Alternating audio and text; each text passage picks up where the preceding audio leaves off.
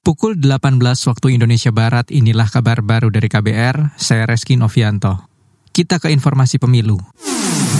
Kabar Pemilu. Kabar Pemilu.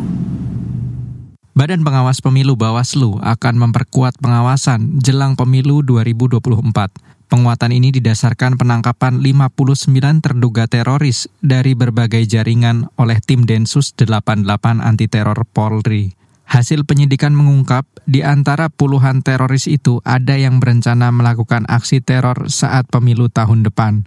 Ketua Bawaslu Rahmat Bagja menyebut penangkapan para teroris menjadi ancaman nyata terhadap penyelenggaraan pemilu.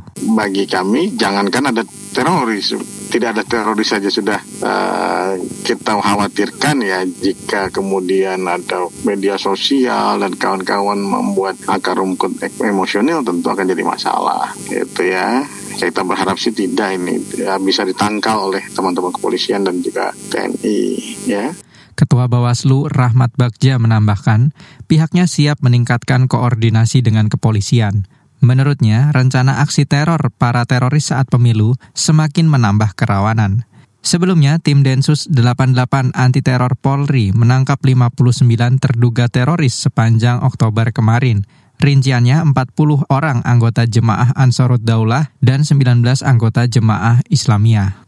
Beralih ke informasi lain, Menko Polhukam sekaligus Ketua Komite Tindak Pidana Pencucian Uang TPPU, Mahfud MD mengatakan, Satgas TPPU memperoleh bukti permulaan adanya pelanggaran dalam transaksi janggal 189 triliun rupiah terkait importasi emas. Mahfud menyebut terduga pelaku berinisial SB. Menurutnya, petugas menemukan bukti SB bersama perusahaan di luar negeri memalsukan kepabeanan. Akibatnya, negara dirugikan karena hilangnya pungutan pajak atas emas batangan ekspor seberat tiga setengah ton. Modus kejahatan yang dilakukan adalah mengkondisikan seolah-olah emas batangan yang diimpor telah diolah menjadi perhiasan dan seluruhnya telah diekspor. Padahal berdasar data yang diperoleh, emas batangan sebesar tiga setengah ton diduga beredar di perdagangan dalam negeri dengan demikian, grup SB telah menyalahgunakan surat ketetapan bebas BPH pasal 22.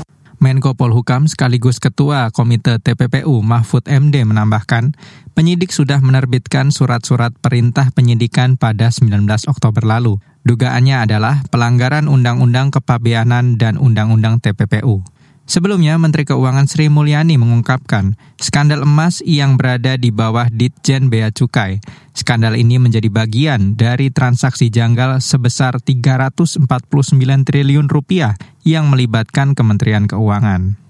Kita ke lantai bursa. Nilai tukar atau kurs rupiah hari ini ditutup melemah dan nyaris menyentuh 16.000 rupiah per dolar Amerika. Menurut senior ekonomis PT Mirai Aset Sekuritas Indonesia, Ruli Arya Wisnu Broto.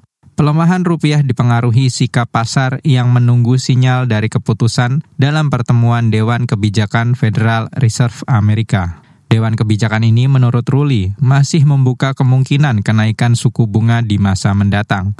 Pada penutupan perdagangan hari ini, mata uang rupiah melemah 51 poin atau 0,32 persen menjadi 15.936 per dolar Amerika dari penutupan sebelumnya 15.885 per dolar Amerika. Pukul 18 waktu Indonesia Barat inilah kabar baru dari KBR, saya Reski Novianto.